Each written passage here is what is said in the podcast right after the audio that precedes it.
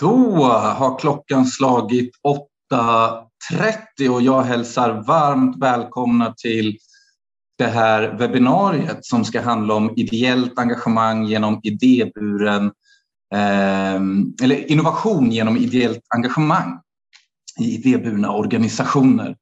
Ehm, och jag heter Anton Alsander och är sakkunnig på Forum vi ser, då är det en mikrofon som inte är avslagen. Sådär.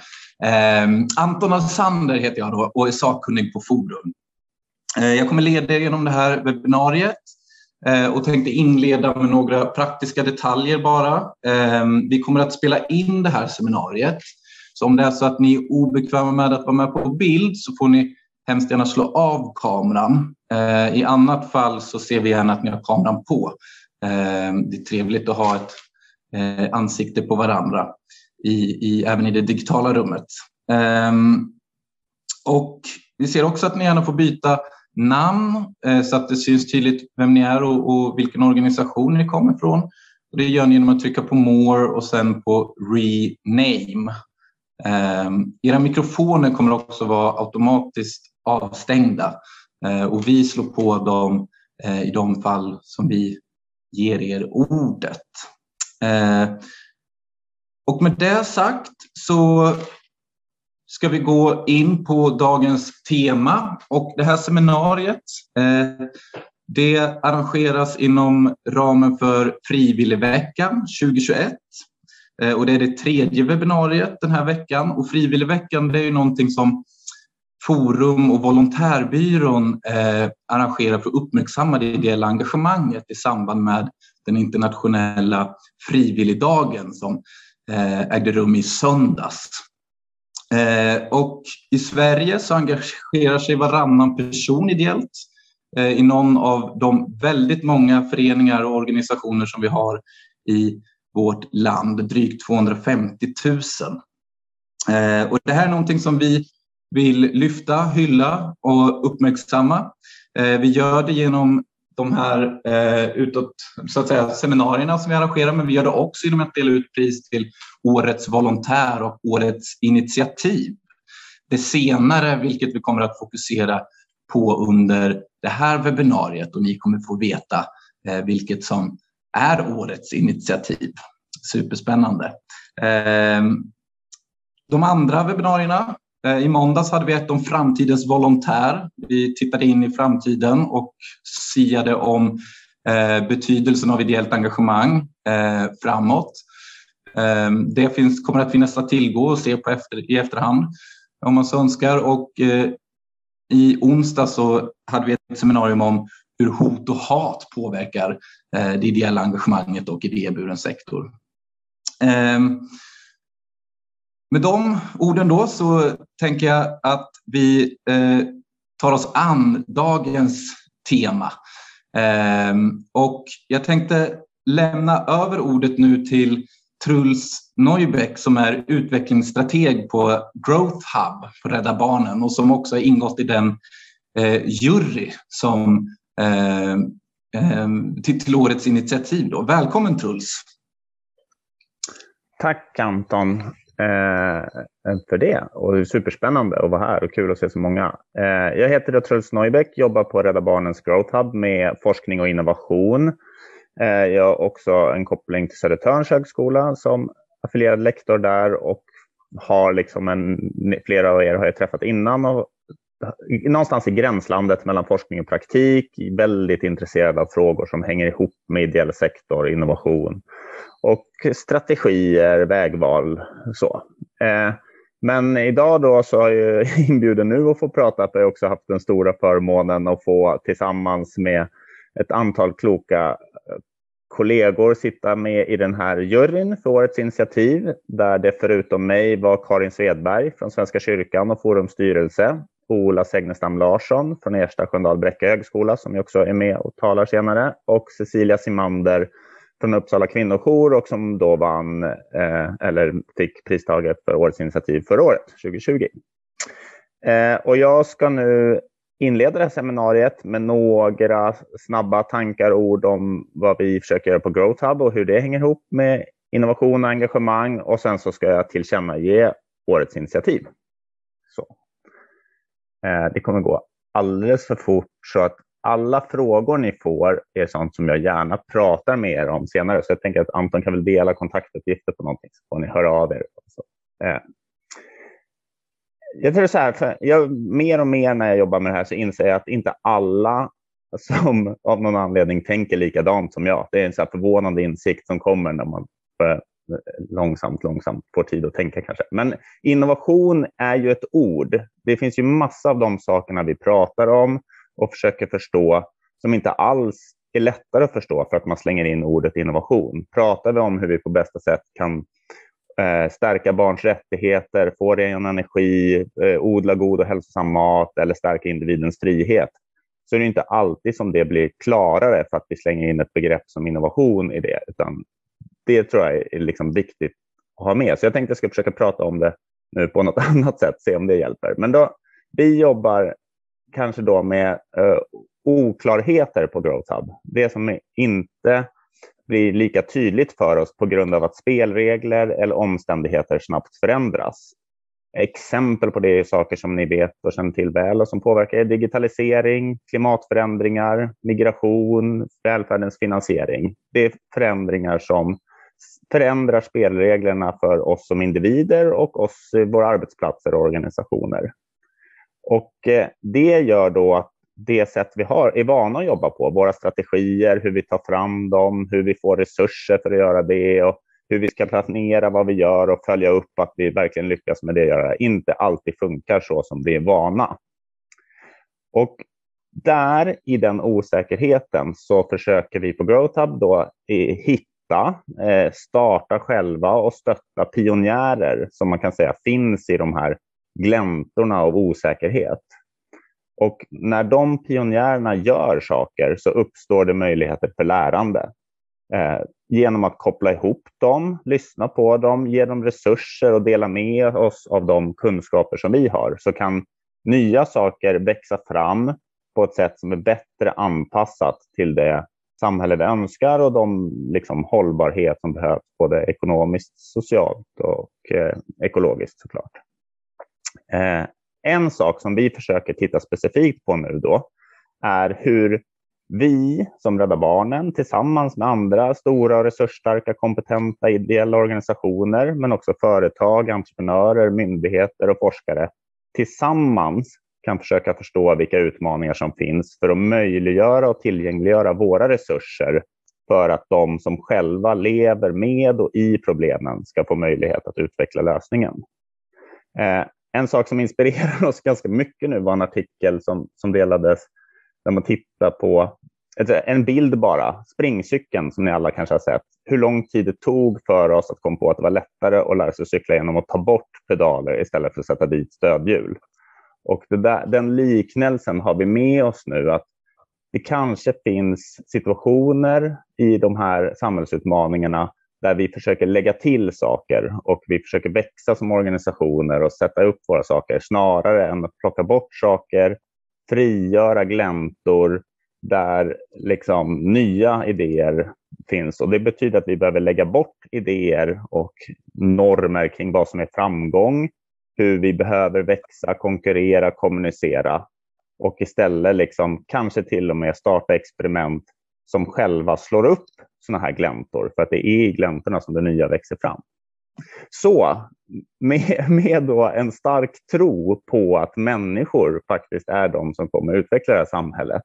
Så, och det är tillsammans som vi kan göra faktiska saker, eller fantastiska saker, så är det liksom det som är den historiskt viktiga komponenten i de innovationer som vi ser på civilsamhället och som har format och som vi är väldigt stolta över. Så det tänker jag, ramar in mitt perspektiv på det här seminariet.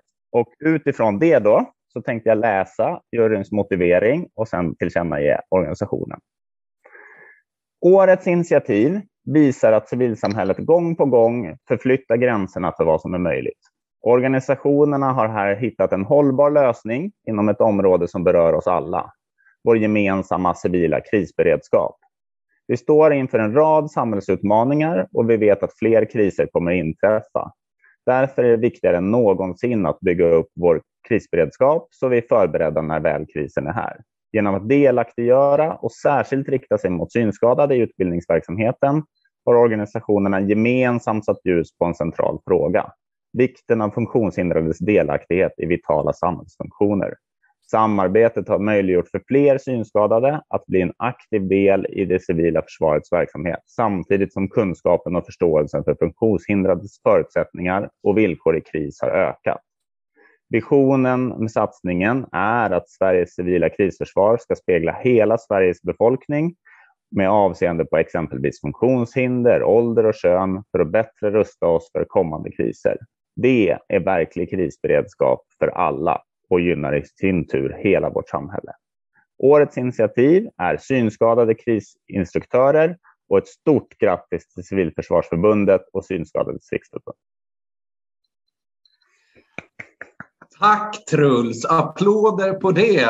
Ehm, vi ska vända oss till representanter från Civilförsvarsförbundet och eh, Synskadades riksförbund nu. Vi har Arne Jungelin som är studieombudsman på Synskadades riksförbund med oss och Thomas Warberg som är generalsekreterare på Civilförsvarsförbundet.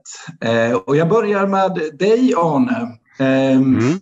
Vad, kan du berätta mer om, om ert initiativ och kanske något om vad din, din reaktion så här efter att ha blivit utnämnd till årets eh, initiativ? Ja, det trodde väl inte att vi skulle lyckas och, och, och, och få den här eh, ut, utnämningen. Det var ju eh, två andra jättefina eh, förslag också på detta. Till att börja med vill jag säga. Och det är ju jätteroligt naturligtvis att, att vi har fått Eh, vara med och skapa en sån här verksamhet. Det här är verkligen en, en superverksamhet som, som har gett både enskilda synskadade, personer med dövblindhet och eh, Civilförsvarsförbundet en betydligt starkare roll att kunna eh, skapa ett tryggt samhälle och eh, ge kunskap om hemberedskap och krissituationer. Eh, så att eh, man blir lite rörd, minst sagt. ja. Härligt. Thomas Warberg, Civilförsvarsförbundet. Ja, eh, vad ska man säga? Vi är ju otroligt stolta över den här utmärkelsen tillsammans med Synskadades riksförbund. Eh, Åsa Hagelberg som är också som har jobbat jättestort med det här i, i Civilförsvarsförbundet. Eh, det är precis som Truls säger, tillsammans och det är de ledorden som vi eh, arbetar med i, i det vardagliga. Att vi liksom ska försöka att inkludera samtliga i den här krisberedskapen. För nu när vi bygger det nya totala försvaret så måste samtliga vara med eh, och det är väldigt eh, viktigt att möjliggöra den här eh, fina utbildningen som vi har i Civilförsvarsförbundet och det har precis Synskadades riksförbund bevisa att det är ingenting är omöjligt. Det här går att göra och eh, nej, vi är skitstolta på ren värmländska. Kul, kul att höra. Eh, jag tänkte fråga eh, dig Arne, hur, hur tog det här initiativet sig form från början i, i idéstadiet? Och, och ehm, det, är ju, det är ju, som Truls var inne på, innovation, det är ju ett, ett ord och man kan lägga väldigt mycket i det. Ehm, men att det någonstans handlar om att, att bryta normer och att eh, se nya vägar. Eh, hur gick det här till egentligen? Eh, Synskadades har länge velat så att säga, samarbeta med flera olika folkrörelseorganisationer och för att, så att säga, uppnå effekter för oss synskadade. Eh, och eh, det här var ju då ett gyllene tillfälle när vi blev kontakter av studieförbundet ABF som vi är medlemmar i och, sa, och ABF sa då att, eh, att Civilförsvarsförbundet gärna ville samverka med oss just för att utbilda synskadade krisinstruktörer. Och då hoppar vi på det naturligtvis på en gång. Eh, och, eh, och vi, vi, vi, ser ju en möjlighet här att, så att säga, påvisa att enskilda synskadade kan göra en väldigt bra insats i samhället. Eh, tyvärr finns det många synskadade som inte har så mycket att göra. Eh, man kan inte ta sig till arbetet för man får ingen färdtjänst. Eh, man får ingen ledsagning. Och det är svårt att få arbetsgivare att tro att man ska kunna jobba fast man kan det. Och just det här exemplet då med de här krisinstruktörerna är ju då naturligtvis ett jättebra exempel på detta, att det här fungerar alldeles utmärkt. Att synskadade kan eh, utföra en sån här viktiga uppgift i samhället. Så eh, vi, hoppar på det här på en gång och, eh, och sen så utifrån så att säga då vad Civilförsvarsförbundet behövde, de behövde en viss täckning över, över Sverige, eh, vissa orter som inte fanns och, eh, och sen också då att vi skulle försöka fördela det här lite könsfördelat naturligtvis och även kanske även ålder och, eh, och lite inriktning också. Eh, det är en väldig bredd på våran, våra 22 stycken synskadade krisinstruktörer när det gäller erfarenhet och var man jobbar någonstans, de som har arbeten. Så att eh, eh vi försökte mixa ihop en jättebra grupp och vi hade ett stort utbud. Det fanns ett tryck från synskadade att man ville delta i detta. Man ville Eh, Eh, man ville ta del av att försöka förbättra situationen för synskadade. Vi var mitt i en pandemi där vi insåg att vi får inte den information, samhällsinformation som alla andra får. Och, eh, så vi hade mycket fokus på det här och hade mycket kontakter med MSB exempelvis om detta också och Myndigheten för tillgängliga medier. Eh, och därför fanns det ett stort tryck från synskadade. Och eh, vi fick ihop alltså 86 intresseanmälningar på två, tre veckor sådär, på det här. Och så vi hade en stor grupp och vi kunde ju tyvärr inte ta emot alla. Det hade ju varit jätteroligt, men, men vi, vi hade det här utrymmet vi hade eh, tills vidare i alla fall. Sen kommer vi säkert att fylla på det här längre fram, för det här samarbetet det kommer vi fortsätta med naturligtvis och vidareutveckla. Tack. Eh, Thomas, vad, vad har det här betytt för Civilförsvarsförbundets verksamhet? Ja, och ju... kommer att betyda framåt? Ja, men det är ju ett kvitto givetvis på att vi ligger rätt och att vi, att vi tänker in det som vi står för i vår värdegrund. Vi har ju tidigare utbildat eh, instruktörer med annan språklig bakgrund till exempel. Vi har utbildat mot hörselskadade och nu så, så möjliggör vi det här. Eh, det, det är väldigt viktigt. Vi är stolta och ehm, vi kan inkludera fler människor i det här viktiga arbetet givetvis. Och eh, man är otroligt stolt när man får sitt eh, utbildningsbevis och man eh, är instruktör och en del av det här och kan gå ut och arbeta, utbilda samtliga i hjärt och lungräddning till exempel och så. Så att eh, nej, men det här är stort. Det är jättestort. Fantastiskt kul och grattis till, till er båda och ja, ABF också som, som eh, är en part i det här och som, som möjliggjort eh, mm. var facilitator för samarbetet. Eh, stort, stort grattis! Eh, Tack så mycket! tänkte släppa in, vi har några ytterligare personer här som vi bjudit in som har en lång bakgrund just i Eh, de här frågorna som kopplar mot social innovation. Eh, och då skulle jag vilja hälsa välkommen till Ola Segnestam Larsson eh, som är eh, docent vid Ersta Sköndal högskola och ekonomidoktor vid ekonomisk vetenskapliga fakulteten om jag får det rätt nu, eh, vid Stockholms universitet. Ehm, och Cecilia Nanfelt som är vetenskaplig ledare på Centrum för mångvetenskaplig forskning om religion och samhälle. Eh, men också eh, forskare på Svenska kyrkans forskningsenhet. Och sist men inte minst Sara Hugosson som eh, handlägger frågor om social innovation på Vinnova. Eh, varmt välkomna ska ni vara? Eh, och jag skulle vilja börja med dig, Ola. Eh, när vi pratar om social innovation och, och det här exemplet då som vi nu har från, från Civilförsvarsförbundet och Synskadades riksförbund.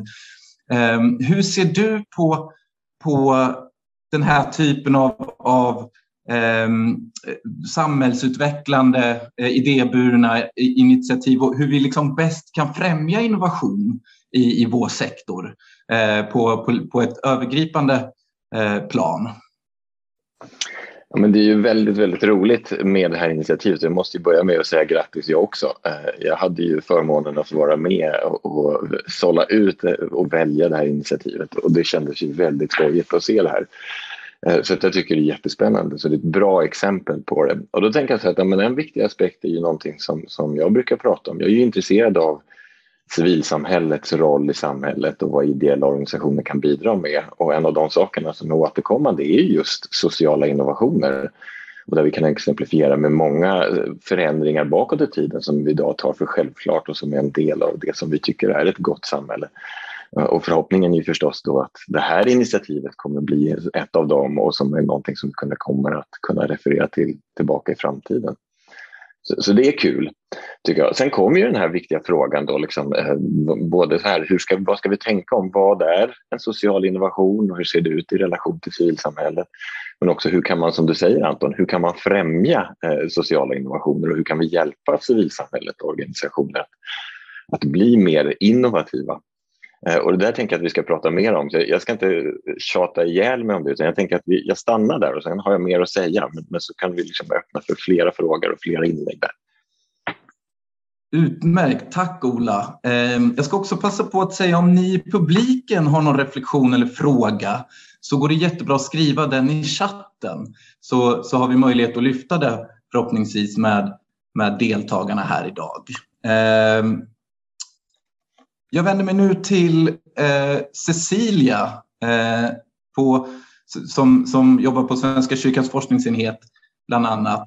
Eh, vad är dina reflektioner kring, kring pristagarna här och, och hur vi bäst kan främja ideellt, eh, idéburen eh, innovation? Jag skulle också vilja bara säga grattis, jätteroligt och också säga att min erfarenhet är att det är så viktigt att få sådana här priser. Att få den här uppmuntran, en slags bekräftelse att man är på rätt väg. För det är mycket hårt arbete innan man kommer till den här typen av samverkan och får igång den och eh, börjar realisera. Så det är oerhört mycket både tankemöda men rätt mycket hårt eh, handarbete, höll jag på att säga. Eh, så stort grattis och hoppas att ni verkligen får energin ur det här också. För att det är viktiga arbeten som kommer. Jag tror nästan inte det finns någon social innovation utan att den är så där på djupet viktig för människor. Och det är en av de sakerna som jag eh, har drivits av själv. Att se att, ja men vänta det här, det här är någonting som verkligen driver eh, förändring på ett bra sätt och som har människor med sig. Eh, det tycker jag är eh, kanske drivkraften i social innovation. Jag har hållit på med social innovation jätte, jättelänge. Eh, jag såg att Malin Lindberg finns med någonstans här och lyssnar och hon och jag var ju med och kämpade för att det skulle in i forskningsproppen, en, bara en litet stycke om social innovation 2010. Eh, och nu så pratar vi om det ganska självklart och det känns ju en fantastisk resa. Och jag har jobbat i en organisation som inte alltid har känt sig som att social innovation jobbar Svenska kyrkan med sånt. Och det ser vi nu att ja men absolut, det handlar mer om hur förstår man vad innovation är, innovativitet, kreativitet, nya samarbeten och var letar vi någonstans? För beroende på med, med hur vi definierar innovativitet så, så, så ser vi när det händer eller inte. Så att det där ska vi också diskutera jättemycket mer, Ola, med, med flera. Det, det, med hjälp av ord så ser man saker.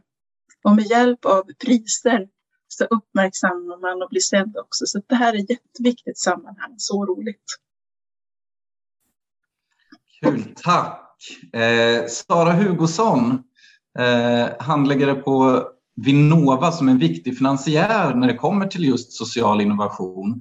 Eh, vad tänker du om det här eh, initiativet och, och eh, pristagarna? Ehm, och du får också hemskt gärna nämna lite om, om hur ni jobbar med den här frågan och till, till vardags. Då. Välkommen! Tack, tack! Jättekul. Nu, med risk för att repetera, men stort, stort grattis! Jätteroligt att eh, höra om ert initiativ och särskilt viktigt tycker jag att ni gör det tillsammans. Eh, för det är någonting som vi på Vinnova arbetar med jättemycket nu, att försöka stärka innovationssamarbeten. Eh, för då finns det större chans och möjlighet att det blir långsiktiga och riktigt bra och genomtänkta eh, lösningar. Eh, ja, Sara Hugosson heter jag och jobbar alltså på Vinnova som är Sveriges innovationsmyndighet. Och vi har jobbat med social innovation nu i eh, fem, sex år någonting. Och jag håller med Cecilia där om att det, det har varit en liten uppförsbacke att få in det även på en, eh, en stor innovationsmyndighet, som vi som borde för självklart prata också om social innovation. Men eh, nu är vi där tycker jag och det är mycket mer vanligt och vi har nu mera ett område på Vinnova som jobbar eh, riktat mot civilsamhällets organisationer. Så det är vi jätteglada för. Eh, och det är där som jag har min hemvist. Eh, och jag tycker det har sagts jättemycket fint här idag, men det här uttrycket Trull som du hade om att frigöra gläntor, det tror jag är ett sätt att verkligen främja innovation. För att det finns en känsla ibland, tycker jag, av att innovation bara händer eller att innovation, eh, det är några drivna individer som, eh, som gör lite roliga idéer och har, har för sig lite framtidstänk. Men innovation är verkligen ett hårt arbete och det krävs att man har tid och att man prioriterar det. Eh, så att just den här möjligheten att frigöra gläntor tror jag är ett sätt att verkligen främja innovation. Ehm, och även en kultur av innovation. Eh, och det är både från ledningshåll och i styrelser och sådär, att vi arbetar med innovativa styrelser, innovativ ledning. Eh, och på det sättet så får vi en större innovation i organisationerna.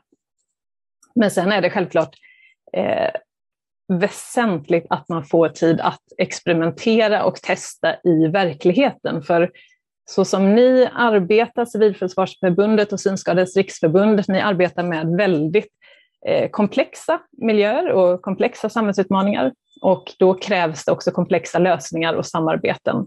Eh, och då behövs det förutsättningar för att testa.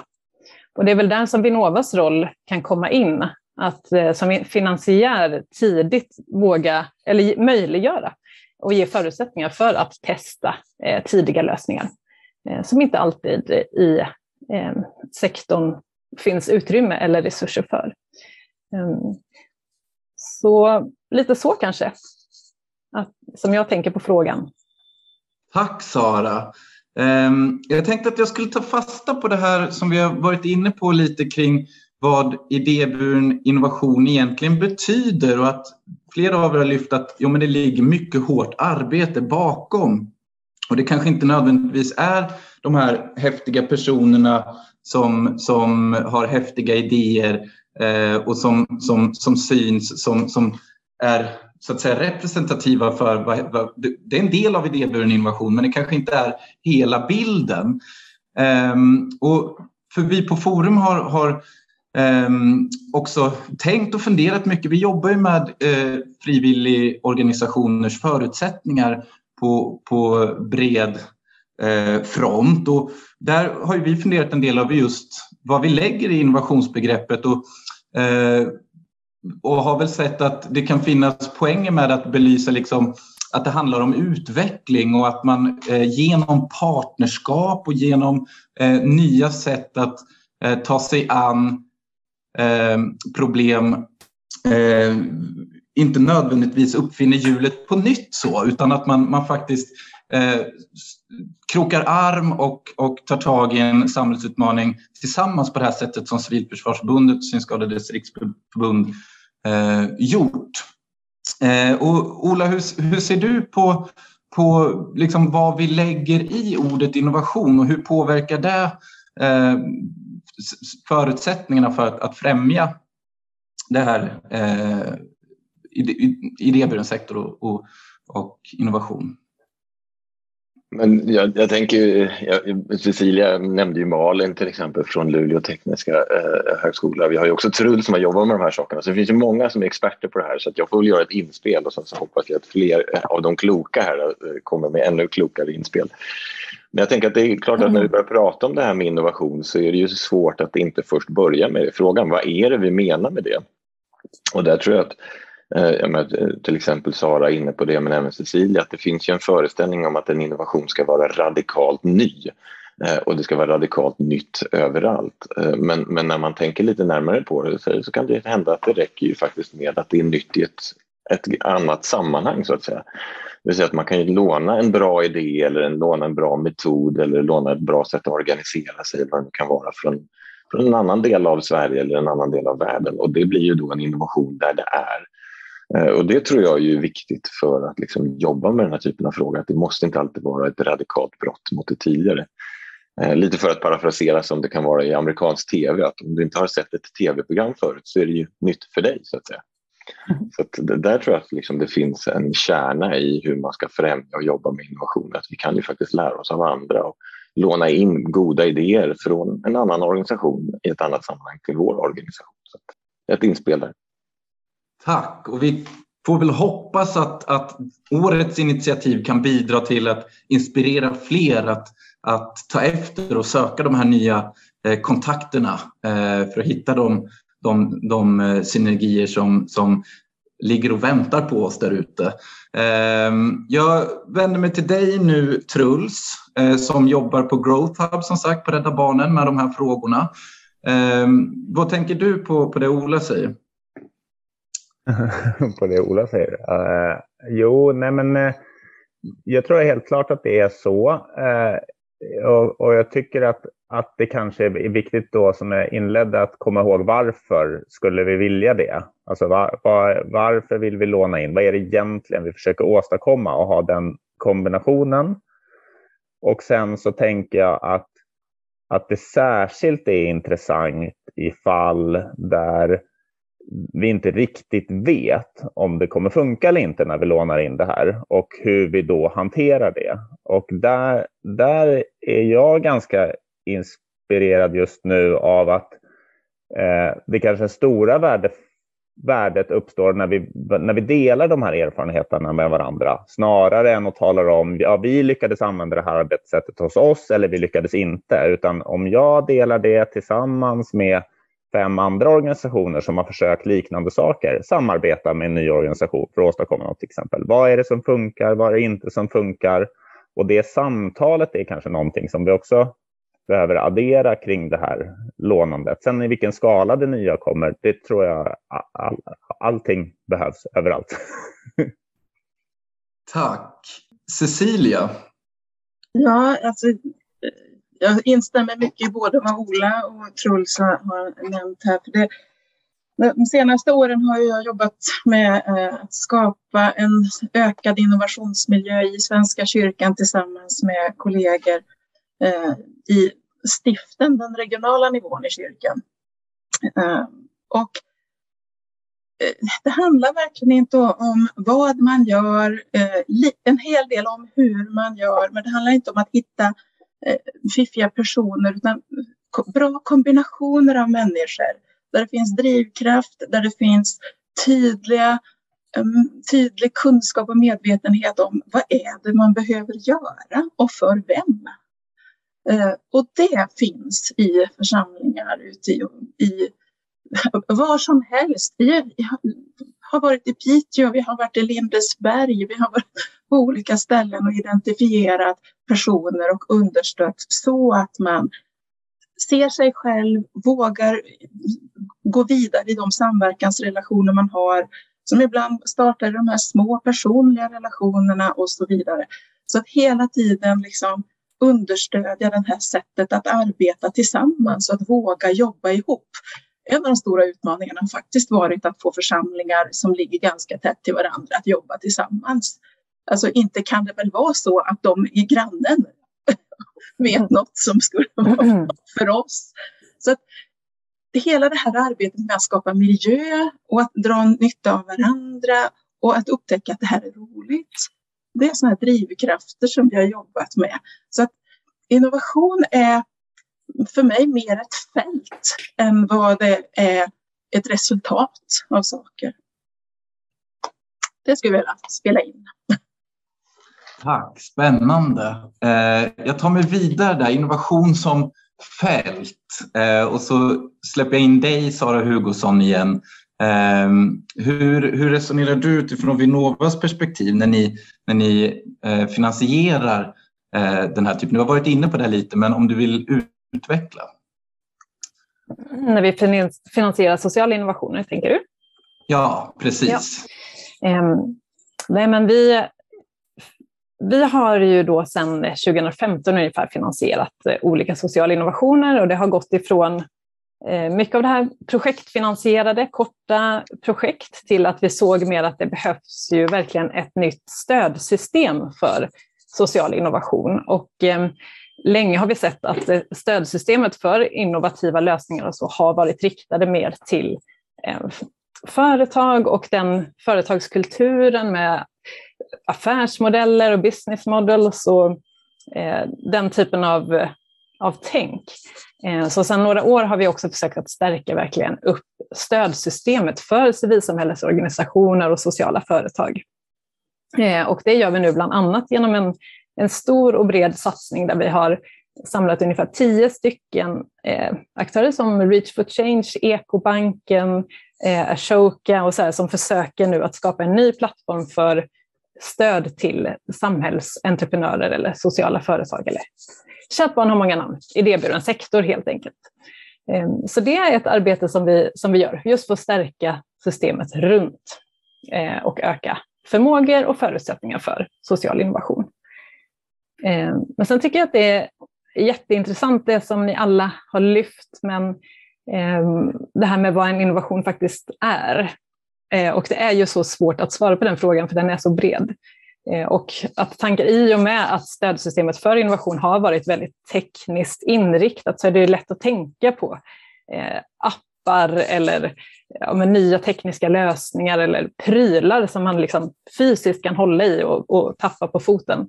Men vi ser ju att vi behöver ju, för att ställa om samhället, både liksom socialmässigt och nå Agenda 2030 men också klimat, så behöver vi ju innovationer som förändrar beteenden. Vi behöver nya samverkansmodeller, vi behöver nya affärsmodeller och så vidare. Sånt som inte är lika lätt att eh, ta på och se framför sig.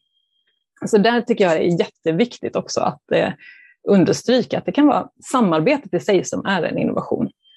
Ehm, och det kan vara en liten justering, men det kan också vara nya, helt nya tankar. Jag tänker att vi kan utmana oss själva där att faktiskt våga styra lite från framtiden och våga tänka eh, framåt. Så här, ja, men 2030, eh, hur ser det ut då? Hur vill vi? Hur styr vi från, från framtiden? Eh, och så, där, så det inte bara blir de här inkrementella utan också eh, nya tankar och lösningar som vi testar som är oprövade. Så där försöker vi jobba på olika eh, horisonter som vi kallar det. Tack. Eh, du lyfter här att, att samarbete är en en, ofta en viktig ingrediens och att det i sig kan vara en innovation. Och jag tänkte koppla in eh, årets initiativ här igen och, och fråga Thomas, eh, för du nämnde att ni har haft flera samarbeten på Civilförsvarsförbundet för att nå eh, nya grupper och för att realisera er, er värdegrund. Ehm, vad, vad har varit viktigt i den resan? Ehm, I termer av nätverk och, och, och liksom när ni har eh, sökt de här nya partnerskapen?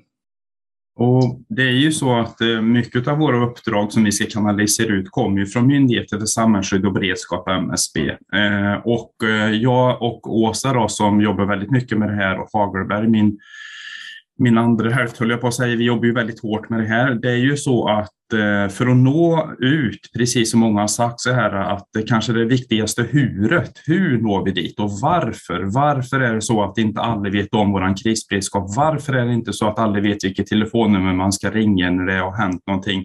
Eller få en viktig information på våra eh, Folkhälsomyndighetens sida och så vidare. Och så vidare. Eh, och frågar du mig eh, liksom att nej men det går inte att utbilda någon till krisinstruktör, jo det går det visst. Eh, varför har vi inte gjort det förut? Eh, så vi lyfter och vänder och vrider och, och eh, tänker på att vi, vi, måste prova, vi måste våga som Sara sa förut på Vinnova. Eh, det är bara att sätta igång. Och det här har ju gjort att vi har kommit rätt i vägriktningen. Som jag sa, att vi har fått ett kvitto på att vi ligger helt rätt nu. För vi är ju specialiserade på att inkludera folk och föra ut det här viktiga budskapet att tillsammans, hur klarar vi oss utan samhället när det blir en kris i minst en vecka till exempel. Eh, och det ska inte bara vara för enskilda utan vi vill bryta det här utanförskapet och få med så många som möjligt. Just det, tack. Och Arne, på, för Synskadades riksförbund, du, du nämnde att ni eh, är väldigt angelägna om att få till den här typen av samarbeten och, och är ofta i kontakt med andra eh, organisationer. Mm. Skulle du kunna berätta någonting om, om det arbetet? Ja, nej, men vi har ju märkt eh, gång på gång att när vi samarbetar med andra så når våra frågor längre ut och vi får också ibland i alla fall, ett resultat, ett bra resultat. Ehm, så, eh, bara nämna en sån sak för ett antal år sedan när ett stort taxiföretag i Stockholm fick eh, bilbarnstolar, det första företaget som hade det, bakåtvända bilbarnstolar. Eh, då hade inte vi synskadade eller, eller all del någon som åkte färdtjänst tillgång till det trots att man hade så små barn. Och vi försökte ju då att påverka politikerna i det sammanhanget. Men det gick inte och då tog vi kontakt med Nationaltrafikföreningen, NTF. Och det dröjde två veckor. Så fick vi åka med det här taxiföretaget just när det gäller bilbarnstolar. Så att det märks att om man kan hitta trådar mellan varandra, så att säga, där man ser att man kan dra nytta av varandra. De är för trafiksäkerhet och vi är för att våra barn ska ha säkert när vi åker färdtjänst. Så, så, så det, det, är ett mycket bra exempel på det här också, precis som det här med vårt samarbete med Civilförsvarsförbundet och ABF när det gäller just det här med instruktörer helt enkelt. Och sen skulle jag vilja säga så här att mångt och mycket, Sara, Sara eh, sa ju där att ekonomi är en ganska viktig del i det här eh, med innovationer. Och det är det ju. Och i det sammanhanget vill jag ju tacka den största finansiären för den här utbildningen och det är ju då Synskadades stiftelse som har stått för den största delen. Och sen är det MSB i övrigt. Eh, men det är också så att det krävs ett visst mod hos oss alla som ska delta i en sån här sak. Jag hade ju skrämt upp mina kära vänner som är utbildade på Civilförsvarsförbundet hur vi synskadade beter oss. Om man säger mm. ditten eller datten och så vidare. Och, och så. Men här kastar, man, här kastar man sig in direkt i det här och var väldigt öppen eh, och eh, så att säga, som, som människa för att, så att säga, hitta lösningar. Och det gjorde vi efterhand. Och det var alltså inga som helst problem. Alla instruktörer som är utbildade idag, de var väldigt nöjda med den här utbildningen fullt ut. Eh, men sen har vi också problemet att, att myndigheter, de säger en sak. De säger att vi ska inkluderas som personer med funktionshinder, de, de säger att vi ska vara delaktiga. Alltså, efter första kullen som vi utbildade i somras så blev en av våra blinda instruktörer av med färdtjänsten. Alltså hur tror den sociala myndigheten i den kommunen att den här personen skulle kunna ta sig fram för att göra den här viktiga insatsen, exempelvis att visa hjärt och lungräddning för medborgarna i den kommunen? Man undrar ju. Och eh, samma sak är det med MSB faktiskt också. Och så har vi på Civilförsvarsförbundet har fört ett antal gånger diskussioner om att vi vill utbilda personer med dövblindhet. Men förutsättningen för det, det är ju då alltså att den här utbildningen är på en vecka, det är ganska lång tid. Eh, man kan inte begära att den enskilda individen ska ta den delen av sin dövtolkstid, eh, så att säga, den totala tiden för året, då blir det ingen julfest, det kan jag säga direkt. Det kanske inte blir det ändå, men dumt eh, exempel. Men, men, men, och då, då förde Åsa en, en, diskussion med MSB om detta. Alltså. Men man hade väldigt svårt att begripa detta. Alltså. Att, att, att det måste vara MSB som myndighet som står för detta. Alltså. Eh, och jag vill också till sist säga ett jättebra exempel på just varför folkbildning, folkbildning och folkbildningspengar behövs i, i sådana sammanhang, det är just det att vi fick all studielitteratur, alla böcker, kursböcker, eh, eh, symboler i reliefbilder och så vidare. Det fick vi tack vare ABFs insats i det här sammanhanget. Då. Att vi kunde producera tillgängliga, tillgänglig litteratur. Eh, så eh, folkbildning är viktigt även i innovationer. Tack. Jag reflekterade kring när jag pratade med, med er igår, Arne och Thomas, så, så just det här att vi har, vi har en spännande innovation här eh, och samtidigt så är det ju så att det någonstans är en, en eh, innovation som direkt implementeras i den reguljära verksamheten, det vill säga utbildningen av krisinstruktörer.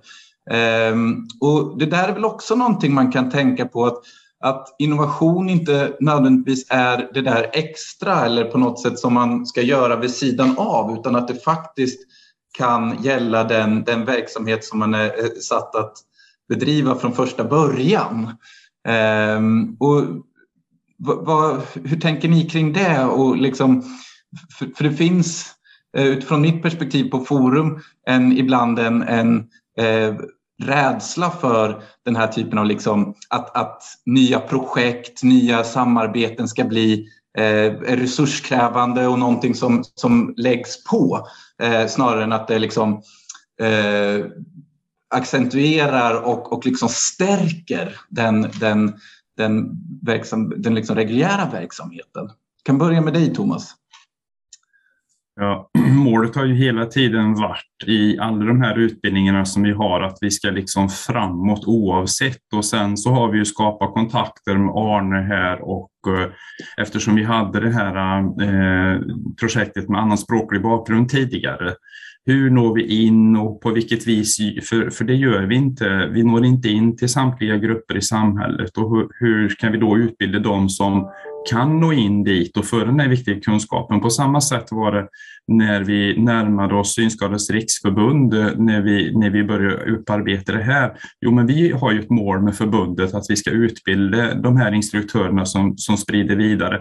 Och, och då där, eh, så var det ju inte lätt som Arne beskriver i början med det fanns utmaningar, vi kopplade in ABF och tvärtom, de kom in, MSB och så vidare för att lösa de här knutarna. Men målet fortfarande är alltid att vi ska genomföra de här utbildningarna på, på bredast möjligaste sätt och det är som du säger Anton, det här gör vi ju vardagligen hela tiden. Men det får inte finnas eh, någon som, ja, till exempel jag som säger att nej, det går inte. Eh, för att eh, vi måste titta på att jo, det går, men det tar tid. Som Cecilia sa förut, det är otroligt mycket tid det tar. Eh, kvällar och helger man, man funderar på, ja, men hur ska det här gå nu? Ja, men vi har hundar med till exempel. Hur går det på ett hotell? Det går alldeles utmärkt. Det finns jättemånga hotell som tar emot inte bara Eh, de blindas hundar så att säga som ett hjälpmedel utan jag kan ha med min hund på hotellet och, och så vidare. och Så vidare. Så att det, det är problemlösare, tänker framåt och aldrig säga att det går aldrig, för det gör det. Mm. Ja, inspirerande. Eh, verkligen. Eh, jag ser att tiden tickar iväg här och jag vill eh, koppla in panelen igen. Eh, och tänkte att jag skulle ge er möjlighet att, att eh, här innan vi, vi lyfter in publikfrågor, att, att eh, kort eh, svara på vad ni ser som, som de, de viktigaste eh, så att säga, frågorna framåt på det här området. Vi har pratat en hel del om förutsättningarna för, för idéburna organisationer att, att få utväxling på på sina innovationer. Vad, vad skulle ni vilja se eh, framåt? Vi, vi har pratat om samverkan, att det är viktigt att vi vågar visa mod som organisationer och att vi inte eh, blir nej-sägare utan att vi, vi säger ja. Eh, och vad, hur går era tankar där utifrån den erfarenhet som, som ni har? Vad, vad kan till exempel politiken bistå med när det kommer till till finansiering och, och, och eh, förutsättningar. Jag, jag, börjar med dig, Ola. Mm. Ja, men jag, jag, tänker ju så här att jag har ju tips till, till er på forum vad ni ska göra nästa år. och då tänker jag dels så har ju Truls och, och ehm, även Sara varit inne på det här betydelsen av sammanhanget för innovationer. Eh, bland annat genom att lyfta det här begreppet gläntor.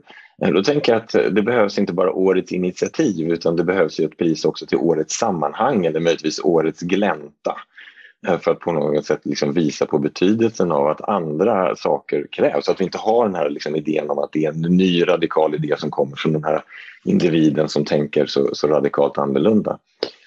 Men sen tänkte jag lyfta in ett annat tips på vad ni borde ha också. Det är ju eh, lite med anledning av det vi har pratat om. Att det finns ju forskning som visar på att motstånd mot innovation är också viktigt. Eh, de som inte säger ja, utan de som också faktiskt påpekar att det här kostar mycket och kräver mycket resurser och att det är många innovationer som inte lyckas och sådana här saker.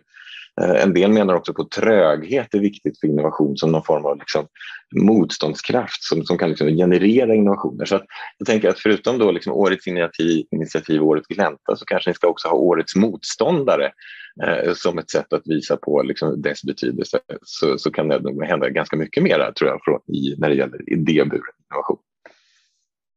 Spännande Ola, jag tar emot de tipsen med öppna armar. Eh, tack!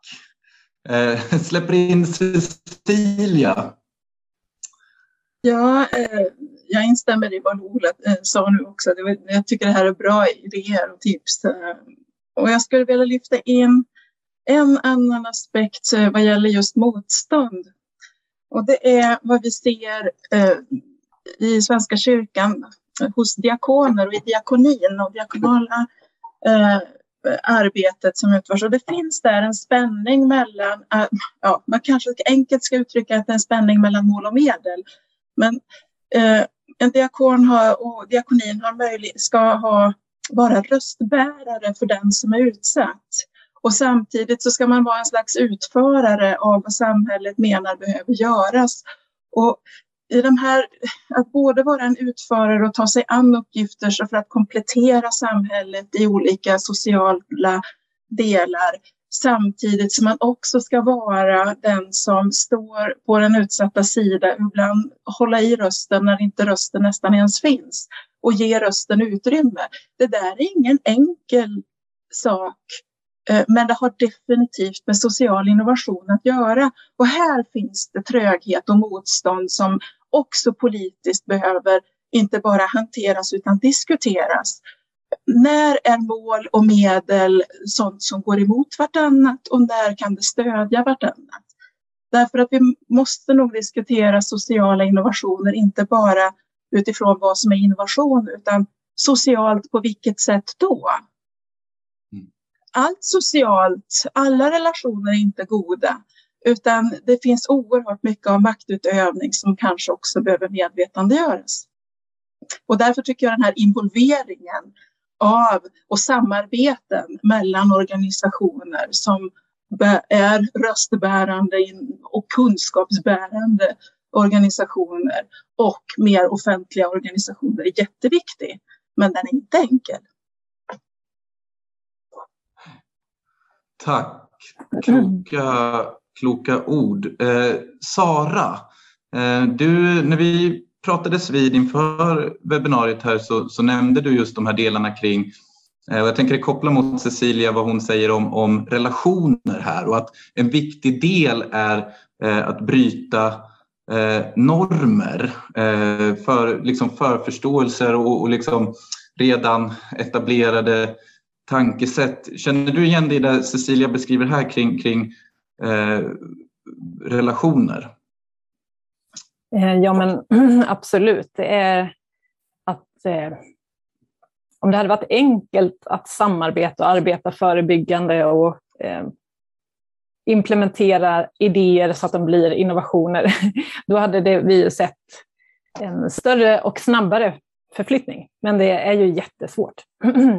Men det som ni har varit inne på, trögheten, att det tar tid och så, det, det gör verkligen det. Och det är därför som eh, vi behöver vara med eh, som innovationsmyndighet att möjliggöra eh, att, att kunna ta den här tiden eh, och eh, få utrymme för samverkan.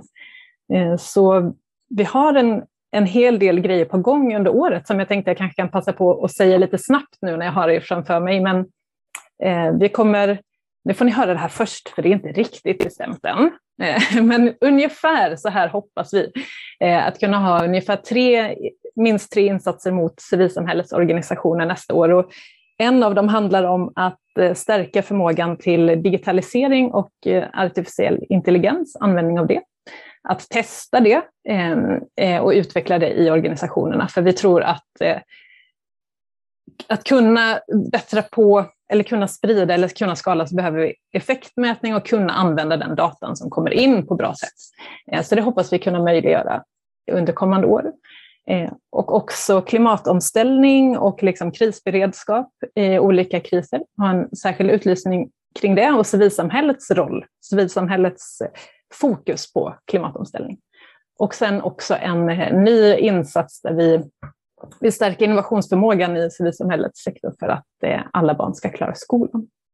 Eh, så det är tre områden som vi kommer jobba med och generellt försöka stärka upp innovationsförmågan. Eh, det kanske inte var svar på din fråga, Anton, men jag ville passa på att säga det nu när jag har det framför mig. Och så vill jag också passa på att säga att det är så otroligt intressant att lyssna på er båda, årets initiativtagare, för att man, det som vi hela tiden försöker understryka på Vinnova och i olika sammanhang är ju att eh, eh, närheten till målgruppen, eller att vara målgrupp själv, det är då man ser systemfelen. Och vi vill ju arbeta mycket med det vi kallar för systeminnovation, alltså eh, nya lösningar som kan få stor effekt. Vi kallar det ibland för så här akupunkturnålar, men om vi är många som samverkar och samarbetar och med målgruppen och samhällsutmaningar i centrum så tror vi att vi kan hitta de där systemfelen eh, och få en större, större spridning och större effekt. Eh, så jättekul, jag känner mig inspirerad eh, av att ha lyssnat på er idag. Tack! Då ska vi strax runda av det här webbinariet.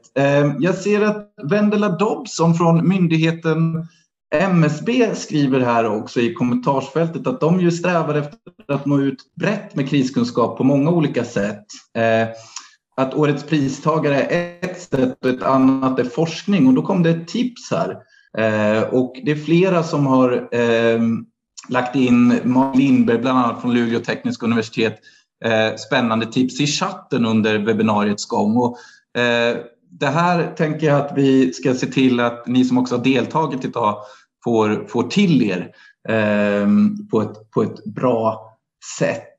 Eh, men med de orden där så tror jag att vi ska eh, avsluta det här webbinariet och då vill jag tacka dels Ola, Cecilia och, och eh, Sara som har deltagit i panelen så förtjänstfullt idag. Varmt tack för era Eh, kloka tankar kring social innovation och idéburen innovation. Eh, men också tack till dig Truls eh, och i synnerhet får vi väl säga då stort, stort tack till Arne Jungelin och Thomas Warberg från årets pristagare. Eh, har varit hemskt kul och spännande att få, få lyssna till eh, ert, er, ert initiativ, er verksamhet och hur ni har, har eh, tagit, tagit er an de här, här frågorna och, och all lycka till eh, framöver, får vi säga. Eh, ja, tack. Så, tack så mycket. Varmt tack och tack också till alla er som har deltagit här idag. Eh, och jag hoppas att vi med det här kan injicera lite energi och, och tro och hopp om att det faktiskt går att, att eh, lösa samhällsutmaningarna även om de eh, tycker sig vara väldigt svåra. Även då, om man bara vågar säga ja och eh, letar efter lösningarna så, så finns de där och kanske i synnerhet i samverkan med varandra. Eh, varmt tack!